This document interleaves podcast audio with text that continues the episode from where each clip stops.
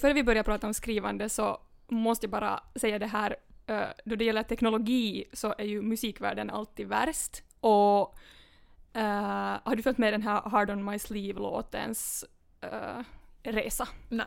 Berätta. Alltså, det gick väldigt fort. Det var den här låtskrivaren Ghost Rider som la ut den här låten som han då, eller jag antar att den han, no, hen har skrivit med eh, uh, AI-teknologi och sen dessutom så framförs den där låten av Drake och The Weeknd liksom via deras, att man har tagit liksom deras röster och satt det som filter.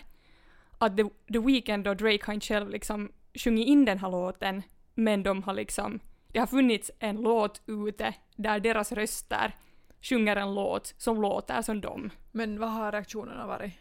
Nå, alltså det har blivit en TikTok-hit och liksom sprider sig sjukt fort, men det som sen hände var att Universal, deras skivbolag, uh, gick ut och sa att det här, det här måste, uh, man måste skärpa till det här för ur uppro- upphovsrättsliga Själv? eh, skäl så kan man inte eh, tolerera att det här händer och Universal har också liksom krävt att Spotify och liknande tjänster borde börja skydda musik på ett sånt sätt att man inte bara kan, kan ta de där rösterna och skapa liksom AI-filter av dem. Till exempel nu så cirkulerar det på TikTok ett sånt här Kanye West-filter äh, så man kan liksom sjunga in med sin egen röst och så lägger man på ett filter och så låter det som Kanye West. Men ni har inte på förlaget haft den diskussionen nu om att, att ni måste skydda era författares uh, liksom uttryck och stil så att inte någon uh, AI kan generera No, alltså i princip, skrivna av dem. ja, no, alltså i princip så är det det som sker nu hela tiden i världen. Att man kan mata in ett verk, eh, eller för det första så kan ju AI plocka allting som redan ligger ute eh, på nätet och sen så kan man lägga, om någon matar in det där text skriven av någon person så då, då kan ju liksom AI kopiera den där stilen. Japp. Så att det liksom eh, ganska intressant men också så jäkla typiskt att det i musikvärlden redan eh, har gått så här långt och jag tyckte det var ganska kusligt att se de där Kanye West-låtarna för att det lät på riktigt eh, som att det var han som sjöng. Japp. Ja, Ja, Eller det där, det där Ja. är eh, creepy. ja, Eller liksom, det alltså, väcks ju alltså ganska stora frågor. Som, Ja. Ja, men alltså, eh, vi kan återkomma till det lite senare. Ja. Eh, men ehm, jag ville prata om Knausgård. Eh, jag har alltså nyligen läst den här uh, Knausgårds essä Oavsiktligt med undertiteln om att läsa och skriva. Um, och det här, alltså sådana här, jag kallar dem för skrivböcker, alltså sådana böcker som handlar om skrivande eller läsande. Eh, det är lite så en favoritgenre för mig, för att det är någonting jag ägnar min tid åt. Eh, och, och funderar mycket på min egen relation till eh, läsande och, och skrivande. Och jag vet inte alltså hur den, den här genren ter sig för någon som, som inte liksom jobbar med de här sakerna. Men eh, du, du sa att du har läst den här oavsiktligt. ja, jag har läst den för några år sedan. Um, no, den är alltså ursprungligen ett beställningsverk av Yale, alltså universitetet i USA, uh, i en föreläsningsserie som heter Why I Write. Uh, och det är också den där frågan som den där essän liksom tar avstamp i och, och liksom utforskar. Um, och den är såklart fredisk för att, för att den, den ter sig jätteenkel men, men är uh, ju omöjlig att svara på på ett enkelt sätt. Nåja, men uh, den här Knausgårds essä fick mig att tänka på Karolina Carolina Ramqvists Det är natten som har varit en av mina så här personliga favoriter i, i den här läs och skrivboksgenren. Uh, som, också, som också handlar om den här, eller liksom Carolina Ramqvist återkommer där till den här frågan att, uh, att varför hon vill skriva och varför det är så svårt att prata om det där skrivande fast det är någonting som är så viktigt för henne. Um, jag läste alltså också om den här uh, Det natten, jag läste den då, alltså då först när den kom ut 2016 tror jag. och, och jag läste om den nu. Du har också läst den då i tiderna. Ja, just då 2016 när den kom. Och sen har den nog varit en sån bok jag har återkommit till Ja. för att den är så fin. Ja. Eh, jag måste säga att nu när jag läste om den så var den liksom lite mer högstämd än jag hade kommit ihåg. Okej! Alltså jag tycker fortfarande den är jättefin och, och den liksom resonerar nog på många sätt liksom med mig och, och jag kan på något sätt känna igen mig i, eller liksom på något sätt nicka uh, åt, åt det som hon, hon skriver. Eh, men alltså både Karin Ramqvist och Knausgård så de överlag är ganska sådär högstämda när de pratar om skrivande och läsande. Och, och jag tänker att liksom man skulle också kunna ta det som att de så här mystifierar och romantiserar nog sitt yrke ganska mycket. eh, om man skulle vilja kritisera dem. Eh, men alltså det som, eh, det som jag märkte när jag läste om den här uh, den natten att, att, och jag fick där också sådär att jag fattar varför jag har tyckt om den i tiderna så mycket, är att alltså hon och Knausgård kommer i princip alltså fram till Alltså, de har nästan identiska liksom, svar på Uh, inte varför de skriver, men, men alltså liksom vad det där skrivande är för någonting uh, och vad litteratur är för dem och, och varför det är liksom så viktigt. Uh, jag har skrivit upp de här citaten. Uh, Carolina Ramqvist skriver att att skriva är att vända sig mot världen och bort från den på samma gång. Och så skriver Knausgård nästan alltså som ett svar. Så var det. Litteraturen var en plats där jag gömde mig och samtidigt en plats där jag blev synlig. Och just detta, en plats utanför, eh, där det innanför blir synligt, är litteratur för mig fortfarande. Eh, och det här var sådär att, att jag får liksom kalla kåra av det här för att, eh, för att jag liksom själv i början av året skrev någonstans att, att litteraturen har alltid varit för mig eh, ett sätt att både vara i kontakt med världen och samtidigt att försöka liksom närma mig den och förstå den. Men eh, berätta Hanna, varför, varför skriver du? Så, eh, bra fråga. Har du väntat på det här hela ditt liv, att någon ska ställa dig den? Ja, den kommer ju ändå med jämna mellanrum. Eh, någon frågar den i, någon, i något sammanhang. Så det, den är bekant. Men uh, jo, jag tror att man, man kanske svarar lite på olika sätt varje dag. Och sådär, om jag skulle skriva en essä sådär som Knausgård och Ramqvist så kanske jag skulle eh, fundera på den ganska lång tid och sen kanske det också skulle bli lite högstämt. Eh, den risken finns, men jag skulle liksom absolut försöka göra det också lättsamt och Jo, men alltså, verklighetsförankrat. Jag bara hoppar in och tänker att det kanske inte är liksom fel att det är lite högstämt för att det där skrivande kanske är lite högstämt ibland och man måste liksom våga närma sig ja, den där liksom, det där som potentiellt blir uh, högstämt eller på något sätt du, man måste våga närma sig det där lite banala för att någonstans där kan det ju ändå finnas något som är värt att skriva. ja, yep. Men jag tänker att det handlar väl om lite olika sorts skrivande också. Att skriver man liksom anteckningar för sig själv eller skriver man någonting som man tänker att ska bli någonting som ska publiceras och kanske att skriver man någonting uh, som är fiktion eller skriver man något som är mer en essä där man är sig, sig själv inom citationstecken. Uh, att de alla skrivandena är lite olika men um, um, det där liksom allra mest sådär råa skrivande eller den där anteckningsskrivande så tänker jag att jag gör ganska mycket för att sådär försöka bena ut mina tankar och resonemang och liksom få grepp om saker. Uh, och sen också att jag tycker om att genom skrivande få någon sorts rum för eftertanke och det är en sån här kontrollerad form av kommunikation där man liksom kan överväga sina ord och fundera att hur jag vill säga det och sen säga det. Och sen det där... Liksom, så då på det sättet just liksom uh, spegla, liksom ta in verkligheten och sen liksom kommentera det man tar in som en sån här ström på något sätt. För ibland kan känslorna vara sådär att de bara strömmar genom en och då kan det vara ganska svårt ibland att få fatt om dem och då tycker jag skrivande är ganska, eller det är liksom en av mina favoritsysslor då. Um, men så tänker jag att just det där med att skriva till exempel en roman eller ar arbeta med en novell eller skriva en essä, så det är liksom ett sånt skrivande som handlar lite om att man vill bygga ett hus.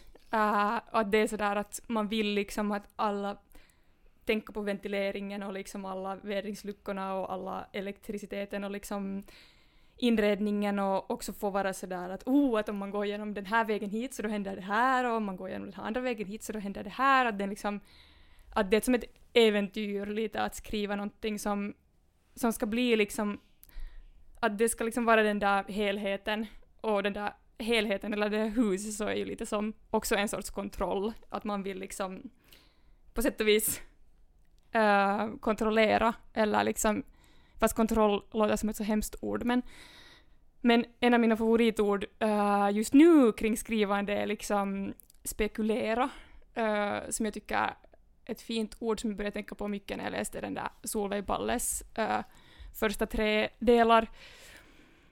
Och jag liksom på något sätt tycker jättemycket om den där liksom vardagligheten och krassheten i det där spekulera och sen att det kanske också ibland används lite i en negativ bemärkelse men att det också också är mycket som jag liksom gör och att det då handlar liksom mycket om kunskap och sådär att förhålla sig till kunskap och liksom och för liksom att ifrågasätta på något sätt historieskrivningen och ifrågasätta kunskapen och liksom uh, gå på något sätt till gränserna för det vad man vet och också liksom våga, vad heter det, uh, ringa in liksom också alla de där osäkerheterna. Alltså det, det är liksom, skrivande är ju liksom allt, uh, det viktigaste.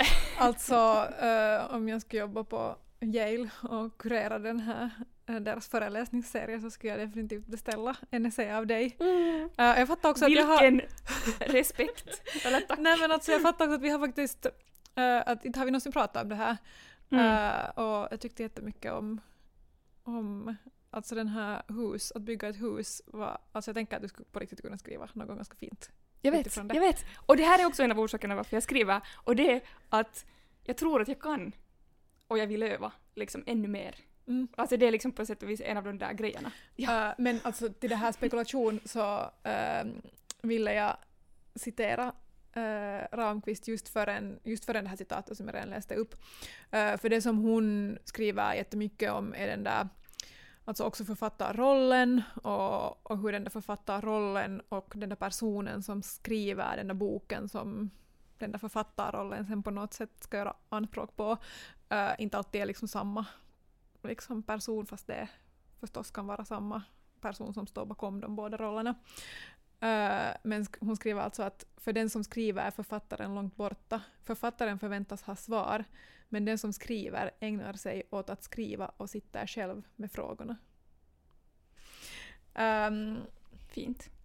Ja, men alltså um, om jag, om jag kände igen den här både Knausgårds och Ramqvists någon grundattityd till litteraturen och, och till liksom hur man genom text kan vara i liksom kontakt i världen och samtidigt få någon slags andrum från den.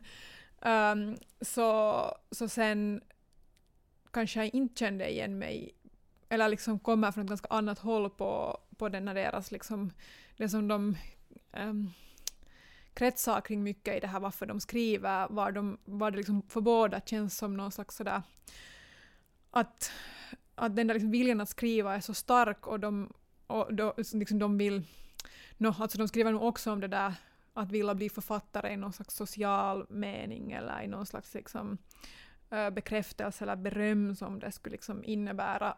Men också när de inte får det så är den där viljan att skriva liksom så stark att de bara liksom fortsätter och fortsätter fast de inte kanske helt tror på den där, äh, sin egna förmåga. Äh, och det är liksom att skrivande är ett, ett egenvärde och någon slags egen kraft för dem. Och, och den här... eller jag började liksom fundera på den mm, identiteten som någonting man bär med sig. Att, uh, att man bara liksom är en sådär skrivande uh, människa. Um, och, och jag har alltså, jag tänker att jag alltid har, jag har alltid skrivit men jag har aldrig identifierat mig som någon som jag har aldrig identifierat mig liksom utifrån skrivande och har aldrig identifierat mig som en skrivande person eller jag tror inte jag någonsin har använt uttrycket att jag tycker om att skriva. Um, och sen tror jag att det beror på att, att jag skriver för att jag läser.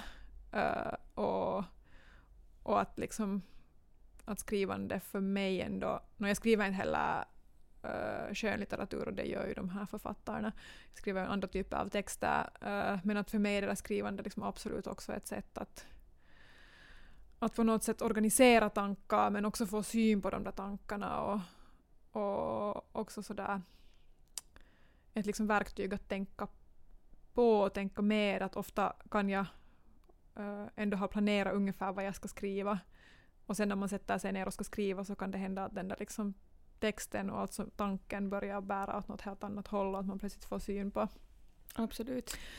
Um, ja. Um, ja, alltså jag tänkte alltså den här ena boken som jag har läst nu nyligen, en bok för ingen, brev från en underpresterande övermänniska av Isabella Nilsson. Så den handlar ju också jättemycket om skrivande. Och i den så på något sätt tycker jag också att jag kände igen mig själv liksom i, i, i så mycket och att det var liksom på något sätt det var så mycket i, i hennes text som genast kändes sådär att ah, precis, eller liksom att jag höll med eller liksom bara blev helt otroligt fascinerad av liksom det sättet på vilket hon skrev eller det vad hon valde att skriva om. Men är det en, uh, är det en uh, roman eller är det en essä eller vad är, vad är det för någonting? Uh, jag skulle säga att det är en sorts essä nog. Ja. Uh, den baserar sig liksom på Nietzsches um, Den glada vetenskapen och den har liksom samma uh, korta mellanrubriker, 275 stycken, som i hans Den glada vetenskapen och så liksom skriver hon liksom egna resonemang under de där rubrikerna. Och jag tycker liksom på något sätt ingången var så fin till den här boken för att hon skriver liksom att, att, att utgångspunkten är att hon har jättemycket hjärnspöken och sen vill hon liksom mota undan dem och hon motar undan de där hjärnspökena och så sätter hon sig vid skrivbordet för att skriva. Och sen säger hon sådär att hon vill skriva någonting my mycket glatt, en mycket glad uh, vetenskap, precis som Nietzsche, och hon vill återfå hälsan och bli lycklig. Och det här liksom resonerar helt jättemycket med mig. Och jag tycker det var en så liksom fin utgångspunkt till ett bokprojekt och också så intressant med det här hälsa och skrivande, för det liksom ägnar hon sig jättemycket åt i den här boken att fundera kring, men den handlar också om, förutom, förutom om psykologi och hennes uh, tvångstankar, uh, så handlar den ganska mycket om religion och sen också om kunskap, uh, precis som Nietzsches bok den glada vetenskapen. Men också om barndom och om skrivande. Ja, det sa jag. Skrivande. Men ja. Wow, mm. vitsi. Alltså låter det här jättespännande. Den är, du, har den nog hypa, du har nog hypat ja. den så jag är nog nyfiken men... Men jag tänkte, jag tänkte nämna, um, nämna tre grejer som hon uh, tar upp som handlar om skrivande, som jag tyckte liksom fastnade mest för. Och den första var att uh, under rubriken Kunskapens ursprung så skriver hon att uh, att läsande för henne har varit jätteinstrumentellt och det är som att hon är en sorts uppfinnarjocke som liksom varje gång hon läser så letar hon liksom efter olika liksom muttrar och kuggar och, och liksom små byggbitar som hon kan ta med sig i sitt eget skrivande. Att liksom hon uh, Alltså att det, att det är ganska oromantiskt det där läsande och det är liksom inte sådär att hon är ute efter att förstå hela verket eller liksom verkligen liksom äh, förstå verket på djupet utan liksom i, liksom, i det allra liksom viktigaste så är det det att hon är en uppfinnarjocke som är vet du, ute på skrotledaruppdrag och Men liksom vill sorts, ha det. Vilken sorts skrot så att säga hittar hon då i de böckerna hon läser? No, alltså just liksom det... tankar, inspiration, citat som hon sen använder liksom i sitt eget skrivande. Okay. Och det här tycker jag var liksom på något sätt jättefyndigt och roligt och Men jag kände igen mig i det också. Hänvisar hon till dem eller så kan man se varifrån hon har hämtat sitt skrot? No, på, på sätt och vis är det ju roligt att det är som att hon då förhåller sig till liksom alla citat hon har lite som till sina skrot. Alltså till exempel äh, citerar hon Alltså hon citerar helt supermycket olika grejer, men en sak som jag gillar mycket som hon citerar var Peter Pan, och då är det liksom det en, ett exempel på det skrot hon har hittat liksom. Ja. Uh, men det kan ju också vara liksom bilder eller, eller liksom vad som helst. Nå, no, no, ja. Men det har också att göra med det där som vi talade om förra gången, att uh, författare är alltid parasiter. Precis. Ja. ja. Eller ja, någon slags sådär skrotkollage. Ja, exakt. ja. Och sen det andra som hon sa som jag tyckte var jättefint eller hon sa jättemånga, men de sakerna jag nu nämner, så är att hon talar om skrivande som att uh, poängen med att skriva är liksom att man vill det är så viktigt att fånga upp de där personliga associationsbanorna som uh, varje skrivande människa har. Eller liksom var, varje människa har det, men de skrivande människorna liksom ägnar sig åt att uttrycka sina associationsbanor. Och det var också jag sådär att exakt, alltså det var verkligen sådär ja, det är därför jag skriver, för att liksom, och det är det jag fascineras av i mitt skrivande och det är det jag fascineras av i Isabella Nilssons skrivande och i alla andra skrivande och det är därför jag inte fascineras av tanken att en artificiell eh, robot skulle skriva en text för att då är liksom hela den där idén om den där personliga associationsbanan den är liksom någonting annat. Men okej, det kommer bli någonting annat. Det kan också bli intressant. Vi, vi, vi kan tala om det här mera djupt sen. Berätta den tredje nu. Men den tredje grejen var, ja, och det här har att göra med det som du nämnde om Knausgård och Ramqvist, eh, om eh, skri de skrivande och om verkligheten. Att många brukar ju kalla poeter verklighetsfrånvända, och då diskuterar hon här eh, på ett ställe i boken att egentligen så är poeter och författare besatta av verkligheten och, eh, de, och av att kommunicera. Och liksom författare är helt otroligt assimilerade och insyltade i verkligheten. Och det är liksom det, de, det är författarnas liksom vad de håller på med. Och de riktiga drömmarna, uh, så det är inte poeterna och författarna, utan de riktiga drömmarna, de uh, ägnar sig åt drömmeriet istället för att sätta ord på det och försöka kommunicera det till, till andra. Och de bästa poeterna är de som hon kallar perioderna, som ägnar sig egentligen åt det allra sannaste, liksom allra mesta delen av tiden, alltså ägnar sig åt drömmerier liksom största delen av tiden. Men sen fall, hemfaller de periodvis till, till att äh, sätta ord på sina tankar och känslor och publicera sig. Och, och det här är liksom de, de bästa, och då kommer det liksom diktsamlingar som är tillräckligt vaga och tillräckligt otillräckliga och Uh, och här har jag skrivit ett citat som jag kan läsa. För att hos läsarna lämna kvar en lika oroande som upprymd känsla av att den verklighet de dittills hållit för verklig kanske inte alls var den verkligaste av livets tillbudstående existensformer. Wow. Låter, Alltså- som, alltså, låter nästan sådär som någon slags liksom manifest. Ja, den är som ett manifest faktiskt. Ja, alltså jag, jag gick verkligen in i det här och vi skulle också kunna ha liksom ett långt samtal om det här med tvångstankar och eh, ätstörningar och läsa den här boken tillsammans med eh, den här Åsa Slottes Mm. essäsamling Om sjukdom. ja, som heter Ur mammas mörker, som handlar, handlar också om filosofi och om uh, ätstörningar och, och sen så skulle vi också kunna läsa den där Sara Meidels, den där Ut ur min kropp som har väckt den där stora skandalen. Så de tre böckerna tillsammans skulle vara ett så här helt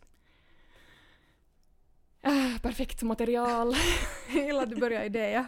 Det här är också ett sorts hus som jag bygger, de här liksom seminarieförslagen. Ja. Uh, ja. Alltså, mm, framförallt Knausgård går ju också liksom i sin essä in på det där att litteraturen är någon slags eh, förhandling med verkligheten där, Mm. den, där man liksom hela tiden kan eh, bygga upp den på lite olika sätt.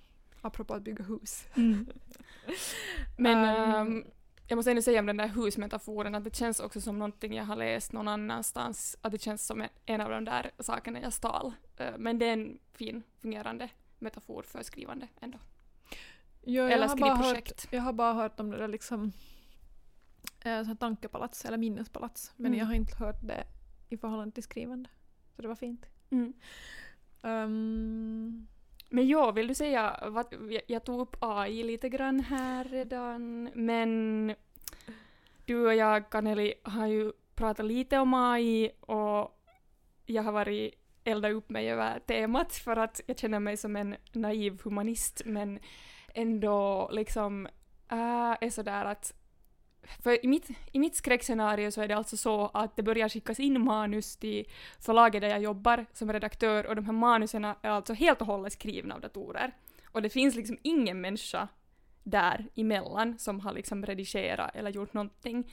Utan det kommer sådana manus som, som vet du, inte har, alltså det finns ingen uh, människa, konstnär, som har satt sin prägel på den, utan den är liksom helt och hållet frambringad av en AI. Och det är det, det, är det som jag liksom, att tvingas liksom möta en sån text gör mig liksom bara kall och orolig. Men uh, alltså du, du länkade här Alex och Sigges podcastavsnitt var de pratade om AI och där läste de ju upp en novell som en uh, så här ChatGPT hade skrivit uh, utifrån ett prompt var det liksom förvisso redan i det där promptet fanns förstås någon slags uh, människa med och skapa. Men, men tänker du liksom att ja, eller alltså den, den novellen var kanske inte helt färdig att publiceras ännu om vi, vi säger så. Um, men jag tycker så här kanske en naiv uh, person som tror att den ska bli, tjäna pengar på att sälja deckare och så börjar den lägga in prompt som är liksom ogenomtänkta, slarviga, uh, oinspirerande och så får den tillbaks sådana deckarmanus som är liksom helt läsbara men som liksom Förstår du? Det, det, det, det är jag liksom mm. rädd för. Alltså, alltså, så länge det finns en konstnär som vi litar på, jag menar till exempel Ralf Antbacka som har hållit på med AI jättemycket, och, men det här, i mitt det här skräckscenario så är det alltså så är där ingen Ralf Antbacka och betryggar liksom konsten utan där det är någon sorts liksom uh, ja, jag vet inte någon som vill ha en snabb genväg till kapital och kulturellt kapital. Ja, alltså jag, jag, förstår, jag förstår vad du menar. Det var jättefint när du gick in i det där uh, försvarstalet på Rytmi förra veckan. Nej, nej förra ja. veckan, ja. ja. Um, uh, jag blev rörd av det. Um, men alltså, jag tänker att du ser det här kanske som en, på något sätt, från från liksom en förlagsredaktörs synvinkel och från marknadens sådär att, att hurdana böcker kommer liksom ges ut och jag ser det kanske lite mera, åtminstone i nuläget, som uh, dels sådär uh, hur, kan, hur kan jag använda en ChatGPT som, ett, som hjälp i mitt arbete Uh, och det är inte helt, liksom, jag är inte helt övertygad ännu över hur det kommer liksom se ut, vi kan prata om det sen. Uh, men, men liksom också att jag, jag far mera till det där att vad, um, att vad kommer det här betyda för liksom litteraturen och för skapande och hur vi kommer liksom se på vad är litteratur och, och vad är liksom skapande. Uh, och, och de frågorna är ju um, alltså jätteskrämmande. Eller det är ju jätteskrämmande att måste liksom inse att det kommer måste på något sätt omförhandlas och sen när det också kommer nära ens egna på något sätt. Uh, liksom sådana saker som är jättekära för en som litteratur och konst och, och liksom så nu tycker jag att det är olustigt men, men samtidigt så tror jag inte att, att attityden kan vara att på något sätt försöka stänga ut det, att det, det, det kommer liksom komma, och det kommer ändra på, på liksom ganska grundläggande hur vi ser på vissa saker och sen samtidigt tror jag att det kommer ju inte ändra på det där Uh, eller människor kommer inte att sluta skriva böcker för att en AI kan skriva en bok, eventuellt hypotetiskt, inom en snar framtid. Så därför är jag, liksom, jag ser inte det ditt skräckscenario. Jag ser alltså att många, så säkert kommer förlagen att måste ta emot en massa jättecrappiga uh, eh, manus och kanske kommer vissa mer sådär liksom mer sådär, vad ska man säga, dussin litteratur att vara liksom delvis skrivet av det. Men att jag ser liksom inte att litteraturen och konsten är hotade. Jag ser bara att den där skapande kommer att se ut på ett annat sätt. Mm, Men yep. sen, sen kan det förstås också, alltså, vad händer med liksom tänkande och just att om skrivande är ett sätt att tänka på, så vad kommer liksom uh, vad kommer hända med den processen uh, om en ChatGPT kan göra grovjobbet åt dig? Mm. Mm. Jag tänker också en av tankarna jag har kring skrivande är att det är en långsam process som tar mycket tid och det där liksom, just det där att man existerar i den där världen i en lång tid och uh, man är en liksom människa i den där tiden och så existerar man där och skrivande pågår hela tiden och liksom det där att du har hållit på att skriva den där boken i ett år eller fem år eller tio år så det är liksom en viktig essentiell del av det där konstverket och det där själva skrivande. Och det känns när du läser det och det är inte, det är inte någonting du kan det är inte en prompt du kan sätta i en AI, liksom att hur du, en person, en individ, liksom går runt i världen i fem år. För att det, varje människa gör det på ett helt eget sätt. Men okej, okay, då kan kanske AI gå runt på sitt sätt i sin egen värld. Men, och det, det är liksom, det, det är liksom såna grejer jag tänker på och, och kanske liksom när man överhuvudtaget talar om kvalitet på text och sånt som jag ändå funderar jättemycket på i mitt arbete så, så det där, eh, ibland stöter man ju på sämre skrivna texter. Och då är det just kanske den där känslan, den där någonting eh, som jag då i de fallen saknar när jag tycker att okej okay, det här är en sämre, sämre skriven text och då, då handlar det om den där liksom på något sätt, den där täta känslan och, och det är just det som jag på något sätt är så mån om att liksom vi måste värna om. Och jag tänker att jag är ju inte den enda som vill värna om den här saken utan det vill ju alla andra också. Och det finns jättemycket grindvakter äh, kring olika utgivningsbeslut och kring bokhandelsbeslut och kring äh, recensioner, kritik. Liksom att alla de här instanserna är så otroligt viktiga för att liksom äh, moderera liksom det där innehållet på konstfältet. Och sen och sen också att det behövs juridik äh, kring liksom de här upphovsrättsfrågorna som, måste, som man måste ta på allvar just kring det här kopierande och äh, samplande. Som äh, just det här exemplet med, med den här Hard on my sleeve-låten äh, som Universal fick att fick, fick liksom, man fick den liksom bannlyst den låten. Så det var bra. Japp. Ja, det var, det, var lite rant. Äh, nej men alltså, jag, jag, blev igen sådär att att exakt, ja. Men, men samtidigt så, så jag ser liksom inte att, alltså jag ser att det kommer ändras och det kan jag tycka att är liksom, uh, är inte bara på något sätt jättespännande. Uh, men att det handlar liksom mer om den där um,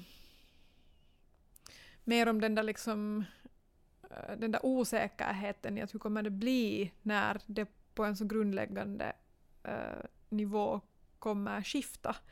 Uh, men alltså jag, jag tänker att alltså Alex och Sigge i det där podcastavsnittet jämförde det med när internet kom. Och, och jag gjorde alltså, jag vet inte om jag sa det i den där diskussionen, men jag har gjort samma mm. jämförelse i någon diskussion, att det, det kommer att vara typ samma sak. Ja. Uh, och just nu den här hetsen kring att man är sådär oh my god, yep. everything is going to be destroyed. uh, men har du alltså, har du liksom lekt eller testat ja. ChatGPT? Jag har testat och lekt. Vad har du lekt med den? Uh, jag hade den på julen, så hade jag den att skriva min, uh, min julhälsning till mina kollegor som en dikt. Uh, vad heter det? inspirerad av Annie Arnault, liksom. Och bara som en sån här julhälsning. Och sen, sen har jag Sen har jag varit inne i, i bild, bildvärlden också jag kommer inte ihåg vad den hette, den där ena Mid Valley eller något liknande, var man kan laga som genererar bilder och där har jag varit inne och testat. Mid Journey. Mid Journey. Och där har jag varit inne och testat bara sådär lite att ta fram en bild på en sån här pseudonym roman som vi ger ut i höst och, och så tänkte jag att vad om man skulle generera fram ett liksom författarfoto mm. på den här pseudonymen. Blev det ett sånt? Nej. Uh, och det där, men jag då bara liksom testade jag sådär lite på skojs skull att hur skulle det, hur, vad skulle hända? Har du testat? Um, ja, en del. Uh, jag har just kanske mera experimenterat, inte sådär, inte för skojs skull, utan mer sådär på riktigt att vad kan jag ha för, mm. kan jag liksom använda det här som någon slags hjälpreda, i, alltså en assistent i mitt jobb. För ganska mycket uh, tid som uh, doktorand och forskare går åt ändå till att skriva ganska sådär liksom redovisningar eller liksom ansökningar och, och sånt. Um, så jag har liksom lite testat vad kan den mm. göra. Um, ganska varierande resultat måste mm. jag säga. Uh, och den är, ju, den är ju bra på att ge dig någonting som ser ut som löpande text. Um, som sen innehållsmässigt kanske egentligen har ganska sådär stora liksom brister och felslut. Jag bad den till exempel en gång sammanfatta uh, en, en liksom längre text uh, som var alltså en diktanalys. Uh, och den såg en skillnad alltså på eh, mig som, alltså textjaget som gör analysen eh, på författaren som har skrivit dikten och på diktjaget. Eh, så den, sam- den sammanfattningen var en verklig soppa kan man säga. Men, ehm, men alltså det är ju liksom eh, den är ju samtidigt användbar som en Uh, alltså fast det blev en soppa så kunde jag ändå plötsligt i en mening se någonting som jag inte liksom riktigt hade sett i min egna text. Uh, så, och det är ju där som jag känner att den kan vara till hjälp, att det, det är liksom någon att bolla ganska sådär obskyra små grejer med som jag inte riktigt kan be en kompis i den stunden sådär, hej vill du ställa upp som bollplank för de här och de här tankarna. Du har inte ens varit rädd för det där att liksom, ju mer du engagerar dig med den här botten så desto mer kunskap får den där botten och sen kommer den att... Nå, jag, alltså jag är nog lite, jag är just lite, mm, för alltså det som jag sen, sen i vissa sa, saker som den har skrivit åt mig så har jag varit sådär, ah men den där meningen är jättebra, den kan jag liksom använda och sen har jag kopierat in den i min text. Uh, som sån. Och, och sen, uh, det har liksom varit i första skedet när jag har skrivit den här texten. Uh, och sen när jag ska börja liksom redigera den här texten som en helhet så har det varit jättekrångligt och det har varit liksom som någonting sådär um, alltså, att den här texten kändes helt sådär fragmentarisk och jag fattade inte först vad var problemet med den och jag såg inte att liksom var for det fel. Tills jag på något sätt fattade att, att där fanns de där meningarna som på något sätt stack ut lite som så här dåligt fästa proteser. Eller liksom någonting som att jag... Uh, och att liksom det handlar någonting om att det inte var liksom min ton eller mitt sätt att uttrycka eller att jag inte kanske helt var sådär att jag hade inte skrivit, alltså ja, bara det att jag inte hade skrivit de där meningarna så var jag inte på något sätt bekant med dem eller vad de egentligen betydde eller... Vet du vad intressant? Uh, ja, det var liksom, och det tog mig, alltså det tog mig för det var ju liksom ändå ett, bara, ett par ganska, alltså det var inte heller liksom några jättespeciella meningar utan det var bara ganska så enkelt uttryckt någon sak var istället för att skriva den här meningen själv på ett lite annat sätt så liksom, uh, så det tog mig liksom också en, en stund att fatta att, eller jag tror att det var det som var problemet. Mm. Uh, och, och då tänker jag liksom att det var det att den ändå använde, alltså delvis det att den använde uh, att jag inte bara kände igen mig i den där texten. Mm. Uh, och sen samtidigt har jag varit lite olustig med att mata för mycket liksom egen text till den. Alltså just så här typ att kan du sammanfatta det här. Det känns lite olustigt att, Mm. att ge den, den där min text för att jag vet inte riktigt vart den och jag vet inte alltså om någon vet exakt vart de far men, men jag har nu inte tagit reda på att vart, Mm. vart, det, vart det hamnar så att Mm. säga. Jo, när jag kommer till, typ när det kommer till, alltså när jag börjar tänka på att mata in något som skulle vara mina texter så skulle jag, jag, jag skulle inte våga typ. Alltså jag Mm. blir sådär att nej, hjälp. Men, men ja. Men det handlar ju också om Ja. vilken typ av alltså, text det är. Ja, ja, ja, ja. När jag, när jag sa text så menar jag liksom en, Ja. en på något sätt färdig text eller liksom en skriven text som betyder någonting liksom för mig sådär Precis. på ett känslomässigt plan. Men okej, är det dags att prata om morgonstjärnan? Pudelns kärna. Mm. Jag ville berätta om pudelns kärna för att jag använde det här begreppet idag och i, en, i ett helt annat sammanhang och så började jag fundera att vad betyder pudelns kärna egentligen och varifrån kommer det? Och så tänkte jag att jag googlar och så eh, kom jag fram till det här cit- citatet. Nu ska du få höra min tyska. Das... no. det blir så här Das alltså var das Pudels Kern. Det var alltså pudelns kärna. Ja. Och det här är ett citat ur Faust av Goethe. ja. Och till saken hör att jag hade hamnat in på uh, Goethes Faust, uh, ego, Fausts, ego, ja, Goethes Faust tidigare i veckan efter att jag hade läst Morgonstjärnan. Uh, eftersom jag hade googlat, eftersom jag hade stött på namnet Mephisto, Mephistopheles i en bok jag håller på att redigera. Och då kände jag igen att det är samma namn som Mephisto, äh, den här kattungen äh, som äh, överlever äh, Ja. i Knausgårds Ja. bok. Och så funderar jag liksom att vilket, namnen, vilket namn är det korrekta namnet för den här djävulens avbild på, på jorden, som vandrar på jorden. Och så eh, hade jag googlat och hade jag sett att eh, gestalten kallas ursprungligen Mephistof- Mephistopheles och det kommer från Faust. Och förkortningen är då Mephisto och det är liksom också helt, uh, alltså det används också äh, frekvent.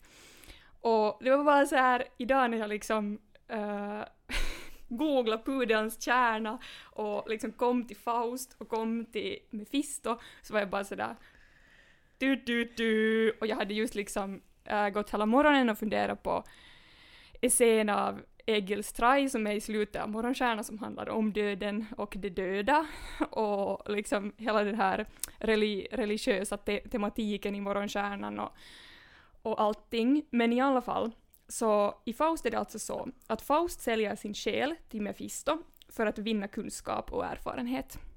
Och han sviker också samtidigt sin fru Gretchen. Och Faust och Mefisto är då alltså tillsammans uh, kunskapstörsta, kunskapstörstens demoni, vilket liksom passar perfekt för den här morgonstjärnaboken och den här kattungen. Och det här samtalet. Och det här samtalet. Och, uh, och begreppet kommer alltså från det att Faust möter en pudel som springer i allt mindre cirklar kring honom och sen tar han till slut med sig den här pudeln hem och när han kommer hem så då förvandlas pudeln äh, till Mefisto äh, eh, som är då djävulens tjänare på jorden. Och det är det som äh, därifrån det här begreppet kommer om att liksom då någonting förvandlas till någonting annat och då avtäcks liksom den egentliga innebörden i det. Pudelns kärna. Alltså pudelns kärna. Wow. Och sen så började jag läsa om pudlar och vet du, symboliken kring pudlar och det var hur trevligt som helst och, och ja, och så bara funderade jag på att om man ska få hund då ska man då ta en pudel, att det är nog ganska farligt. Det verkar som en demonkopplad hund men också som en pudel, alltså en hund som på den tiden när uh, Faust skrev ner de här Faust-sagorna, alltså på 1500-talet, Eh, jag han skrev ner den senare, men de kommer från 1500-talet. Men då när han skrev ner dem så då, då var liksom pudeln ofta ett så här cirkusdjur som eh, förekom i sådana sammanhang. Och det finns också så här många så här glädjeassociationer kring det där, eh, den där hunden. Eh, det finns också något så tyskt ordspråk, ordspråk som handlar om som har liksom med glädje att göra och pudlar. Så det är liksom, pudlar är inte liksom bara äh, demoner utan också någonting annat. Och då började jag tänka på um, den här uh, Twin Peaks och den här Leland Palmer som alltid dansar. Och sen mm. uh, hur liksom gl glädjen och dansen också förknippas med ondskan. Och ja, jag var såhär Knausgård är någonting på spåret. alltså jag tänker att, att uh, efter att du har skrivit den där essän om, om skrivande så kan du skriva en essä om pudeln. alltså perfekt. Som, du, som rubriken är pudelns kärna. Oh. Jag älskar sådana symboler som man avtäcker och jag, jag skulle bara vilja liksom, jag sa ju i förra avsnittet att jag vill bara läsa bibeln och den här boken har ju nu fått mig liksom ännu mer att jag vill bara läsa bibeln, eller alltså den här julboken men, alltså jag, har tänkt på det, jag har tänkt på det här jättemycket lately att jag borde läsa Bibeln. Borde vi? Gemensamt. och sen överhuvudtaget liksom alla såna gamla sagor och mytologier och ja. ja, ja det, det var det bästa med Morgonstjärnan, tänker jag. Ja. Jo, jag läste faktiskt i början av året den här uh, Tiina Piilolas Kalevalan naiset, mm. uh, som handlar alltså om liksom Kalevala, men då liksom um, vad kvinnorna i uh, det här nationaleposet uh, gör och då var jag helt sådär, på något sätt kom ihåg alla de där berättelserna och så aj nej ja, aha! Uh, och få på något sätt helt in i det, det var jätteroligt. Härligt. Um, ja. Uh, jag har en bekännelse angående Morgonstjärnan no. uh, och Knausgård. Um, fram till typ alltså för två veckor sedan hade jag aldrig läst Knausgård. Mm. Um, nu har jag ju redan läst två hela verk.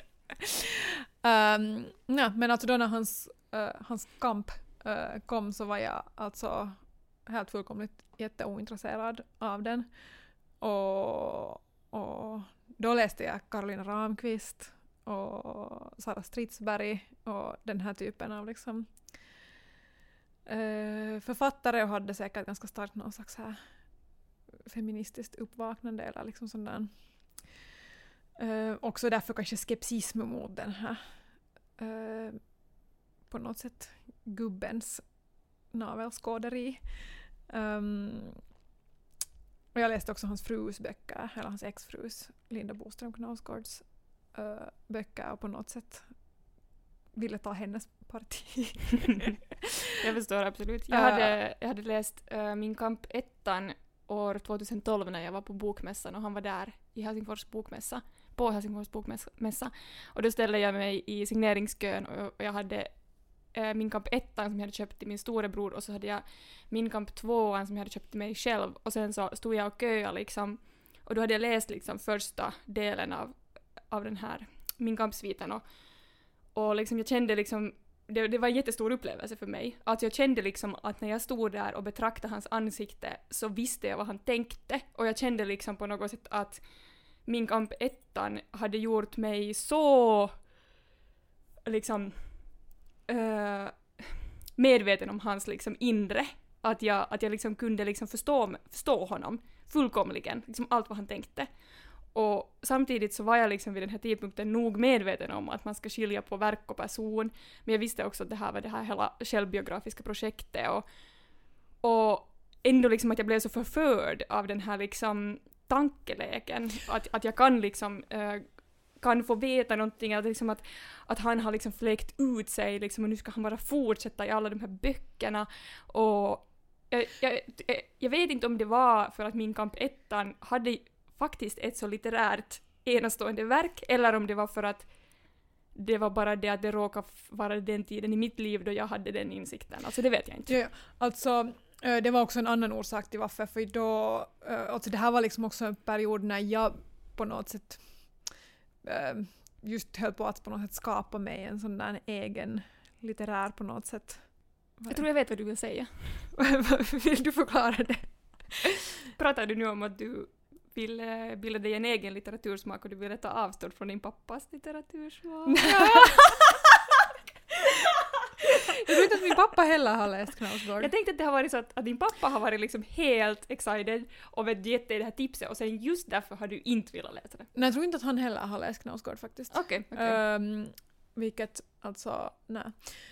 Men um, Nej men alltså absolut att jag ville bilda mig liksom en egen litterär, litterär smak men att jag kanske inte egentligen, alltså nog för att de böckerna jag liksom då tyckte om så tyckte jag nog på riktigt om men att det var också liksom en viss sorts identitetssökande och en viss sorts liksom markörer.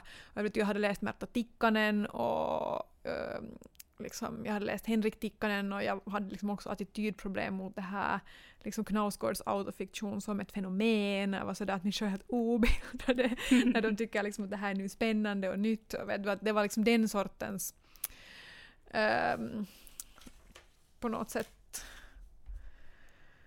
no, attityder som jag hade. Uh, så jag tror liksom om jag skulle om jag skulle börja läsa den där Min kamp i sin helhet från början till slut så skulle jag säkert bli jättetagen. Alltså inte, liksom jättemånga gubbar som böcker jag tycker om. Mm. På riktigt ja. liksom. Eller så att inte, inte det är ju liksom på riktigt en tröskel för mig att varför jag inte skulle tycka om en bok men då när de kom ut så var jag kanske i en plats var uh, mycket sånt styrde vad jag ville läsa. Mm, jag fattar, jag fattar. Uh, och sen, alltså, sen måste jag nog erkänna att jag har varit helt supernyfiken på honom men, mm. men just i och med att hans böcker har varit så på något sätt mastodonta mm. uh, så har jag inte riktigt liksom vetat var jag ska börja eller mm. om jag ska mm. orka börja. jag måste säga att jag tycker i den här morgonstjärnan också särskilt mycket om de där karaktärerna som påminner mest, hans, uh, påminner mest, om hans självbiografiska jag-skrivande för att jag liksom, eller just e Egil, heter han Egil? Egil Straj? Mm. Ja, Egil Straj och och sen... Den där Arne. Arne. Och sen den här ändå just Jostain, så jag tänker att det är liksom, det är sådär vet du, drivet till sin spets men att det finns liksom vissa sådär, nå, no, inte vet jag, men liksom journalist och så här. Mm. Och liksom skandal på något sätt. Fast jag, Egil och Arne är ju närmast på något sätt det som påminner om min kamp ettan och tvåan som jag har läst, för jag har inte kommit heller längre än så och skulle vilja nog läsa vidare. Men, äh, men det där, ja, det är något med den där alkoholiserade och lite sådär ondskefulla, självupptagna, allvetande, överlägsna men ändå också sympatiska och vill väl personligheten som på något sätt som jag liksom fascineras av.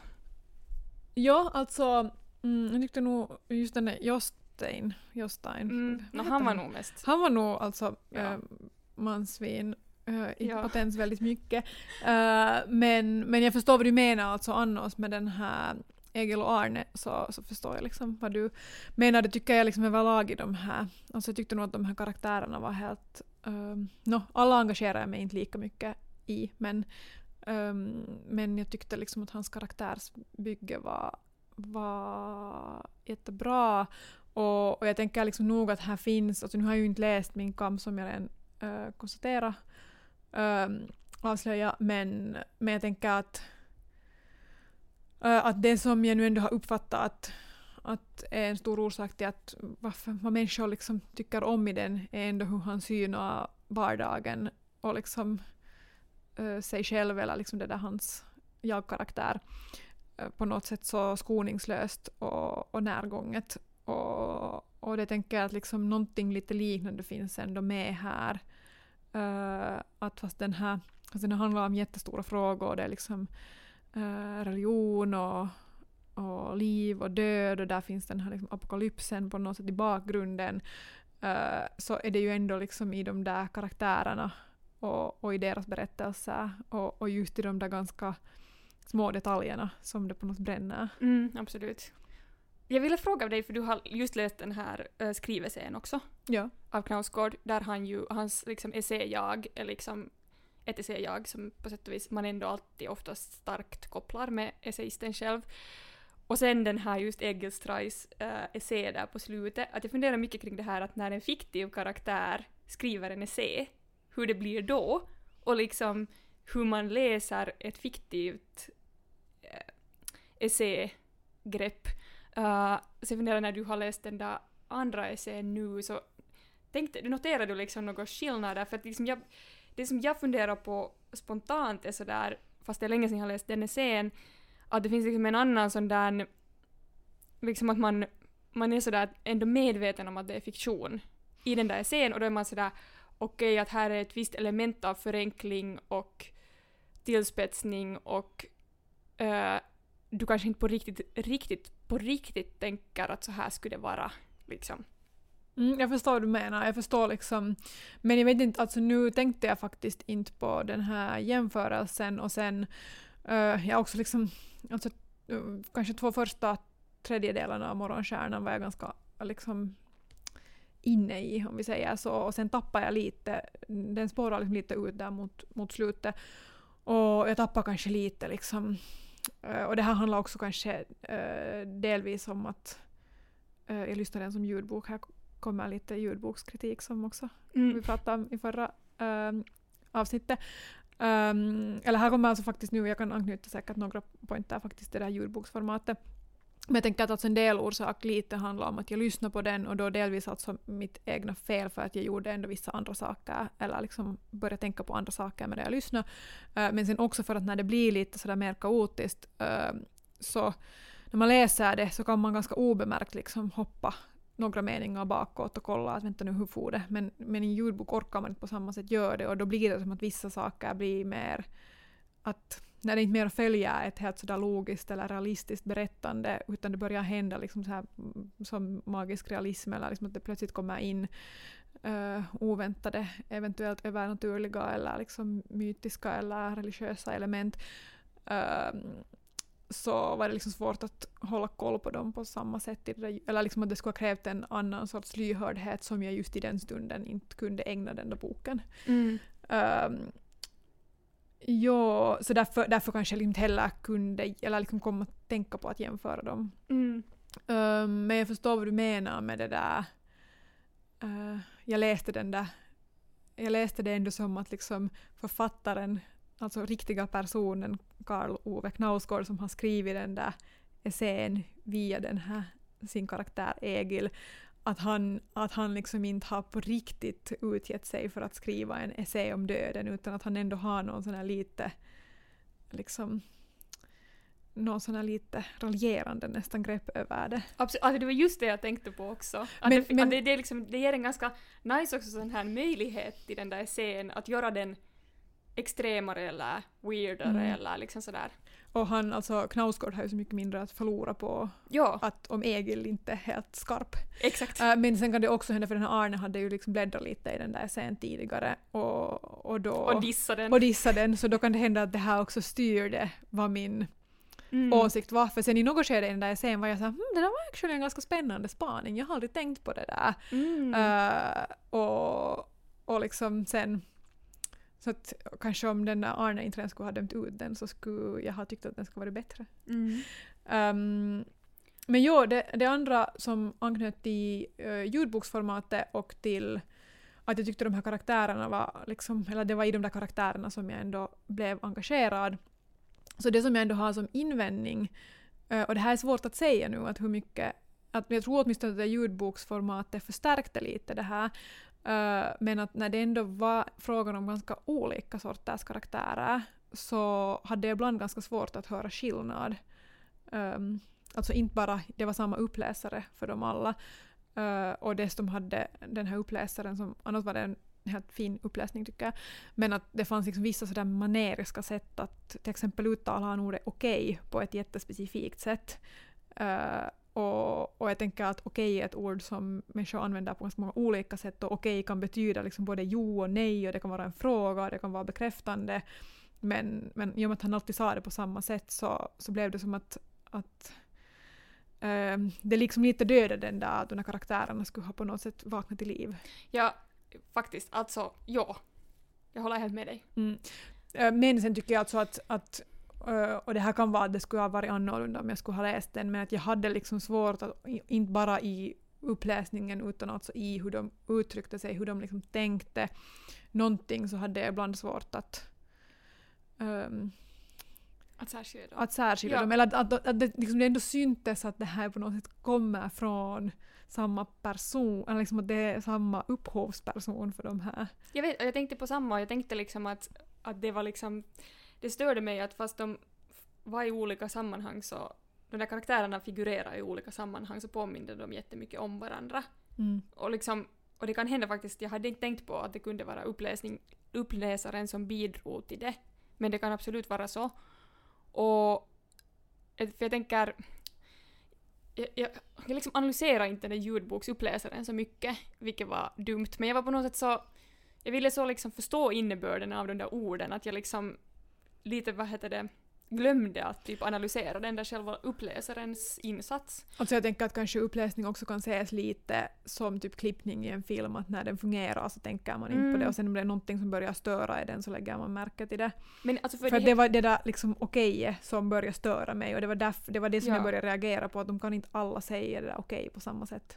Alltså, för jag måste också lyssna om jättemånga delar äh, av, av den där boken för att liksom uh, återkalla, i minnet att vara liksom, vem var vem, vad hette de egentligen? Och det tycker jag att, eller jag tänker liksom att om vi båda haft den här upple- upplevelsen så det är inte bara liksom att vi har varit ouppmärksamma lyssnare utan det är också någonting i det där själva uppläsningen eller då själva texten.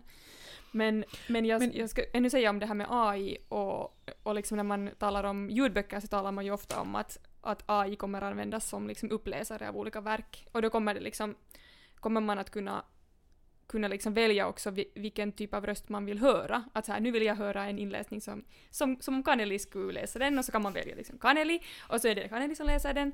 Eller sen kan man välja liksom Hanna och då är det jag som läser den och, och sådär. Men att det vad jag tänker på med ljudboken är att en riktigt bra ljudboksläsare, inläsare, så är också en liksom en god läsare. Alltså att i den där själva inläsningen så hör man hur den där människan läser den där boken och själv liksom begriper den där berättelsen. Och jag tänker att det här kan vara någonting som kan vara svårt att göra i en första genomläsning. Det kan hända att en ljudboksläsare alltid borde läsa igenom boken minst en gång innan den går in i studion och spelar in. Men det har jag förstått att det görs inte alltid på alla in inspelningssituationer. Och i alla fall inte om det är en AI som läser den. Alltså hur ska en AI kunna, hur ska en AI kunna vara en god läsare? Liksom.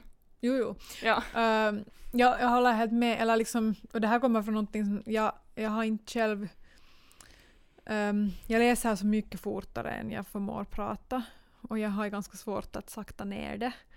Eh, och, och därför, eh, jag har liksom alltid känt att jag hamnar i osynk när jag läser högt och jag blir så stressad över att försöka läsa möjligast långsamt. Um, att, att jag liksom också börjar liksom missa att faktiskt följa med texten. Och jag har, alltså, jag har inte någonsin tyckt om att läsa högt. Uh, och därför beundrar jag jättemycket människor som läser högt, liksom, eller som är bra på det. Uh, just för att det är någon förmåga som jag själv aldrig har lärt mig, eh, eller liksom bemöda lära mig. Mm. Nog är det ju också en fråga säkert om, om helt enkelt övning. Eh, men men jag tänker också att Mm. där finns en, att när det är bra så finns där en närvaro. Exakt, och så är just att vi talade här innan om att, att det kanske kunde vara så att när ett, en person uh, böts till en annan person så kunde man missa det där skarvet, att nu har det Mm. bytt till en annan person. Och jag tänker att en god inläsare skulle läsa på ett sånt sätt att vi vet att vi närmar oss slutet. För det här är liksom ett så viktigt ställe i den här texten. Och det författaren har liksom det där huset som den har byggt. Så det är så viktigt hur det är på slutet av det där kapitlet. Eller det där ännu viktigare när det är en novell eller liksom som den här. Så att jag blir liksom jätteledsen över den där idén att liksom folk kan, kan strunta i det där. Jo, det där att man närmar sig slutet så det, det här lite far åt sidan men framförallt i sådana här tjocka böcker så, så, som den här Morgonstjärnan är. um, så tycker jag att det, det händer liksom någon sådär, det blir någon sådär dissonans i den där upplevelsen när man kommer till slutet. För om man har läst den så känner man det i sin hand, alltså utan att fatta det så blir det liksom en taktil att man vet att snart kommer man till slutet. Och det blir också en sån där att det byggs upp, eller en så här tjock bok måste ju bygga upp det på något sätt. Eh, Också fast den inte bygger upp till någonting så bara den där liksom eh, Mm. mängden text Mm. eh, gör att den har byggt upp något. Jo, jo. Eh, och, och då blir det liksom ändå den där, någonting kulminerar i det när man börjar känna att den där liksom baksidan kommer närmare och närmare. Och det upplever jag alltid som, som sådär brutalt i e- och ljudböcker. När man inte kan, man kan inte förutspå det på samma sätt. Mm, jepp, jepp. Ja, alltså i den här boken just så kollade jag när jag hade lyssnat typ 75 procent, så då kollade jag liksom och så, och så kom jag ihåg att jag tänkte sådär att är vi nu liksom där att vi nu börjar liksom att det är nu det börjar liksom skifta sådär mot slutet så som det gör. Och jag, jag tänker så här att om det skulle ha varit en fysisk bok skulle jag aldrig ha behövt liksom fundera på det för det skulle ha varit det där bygget skulle ha varit liksom tydligare. Men ja, Men alltså... Mm, Märkte Jag- du på slutet av den här boken, sorry, Ja. Eh, märkte du på slutet av uh, Morgonstjärnan att eh, det nämndes hungrig som en varg? Alltså helt på slutet. Alltså ganska nära slutet. Inte helt, inte sista ordet, men liksom så här. Alltså, nu måste jag, nu måste jag också berätta, eh, det här kan vara eh, ehm, rak kritik till Bookbeat, Eh, men jag höll alltså på att lyssna på den här boken och det var inte mycket kvar, alltså det var liksom 98% kvar. jag satt på- 2% kvar. Ja, alltså Ja. 98% var lyssnat. Ehm, och, och så satt jag i metron och sen kom vi till den hållplatsen var jag skulle bli av. Eh, och den här boken var sån att man kunde alltså man kan alltså synka den mellan e-bok och ljudbok. Eh, och då var jag sådär att ah, jag måste läsa slut den nu. Eh, och då... ehm, nej, det var alltså så att jag hade alltså suttit i metron och läst den. Mm. För jag var så att jag måste ändå testa lite att kolla hur ter sig texten när man inte lyssnar på den. Eh, och då kom vi fram till min hållplats och då var jag så att men nu lyssnar jag de sista liksom, minuterna på, som ljudbok. Och då när jag skulle eh, byta så då var det en sådär fråga den bara att, att det gick liksom inte mer att synka den. Den, den frågade bara sådär att är du färdig? Och sen försökte jag typ trycka på nej men alltså den, då, då kastade den mig till början av boken. Så jag vet inte vad slutorden är. Men jag gav liksom upp, jag var sådär att okej, att det kommer Ja, inte säkert att hända. Alltså liksom. Ja, ja.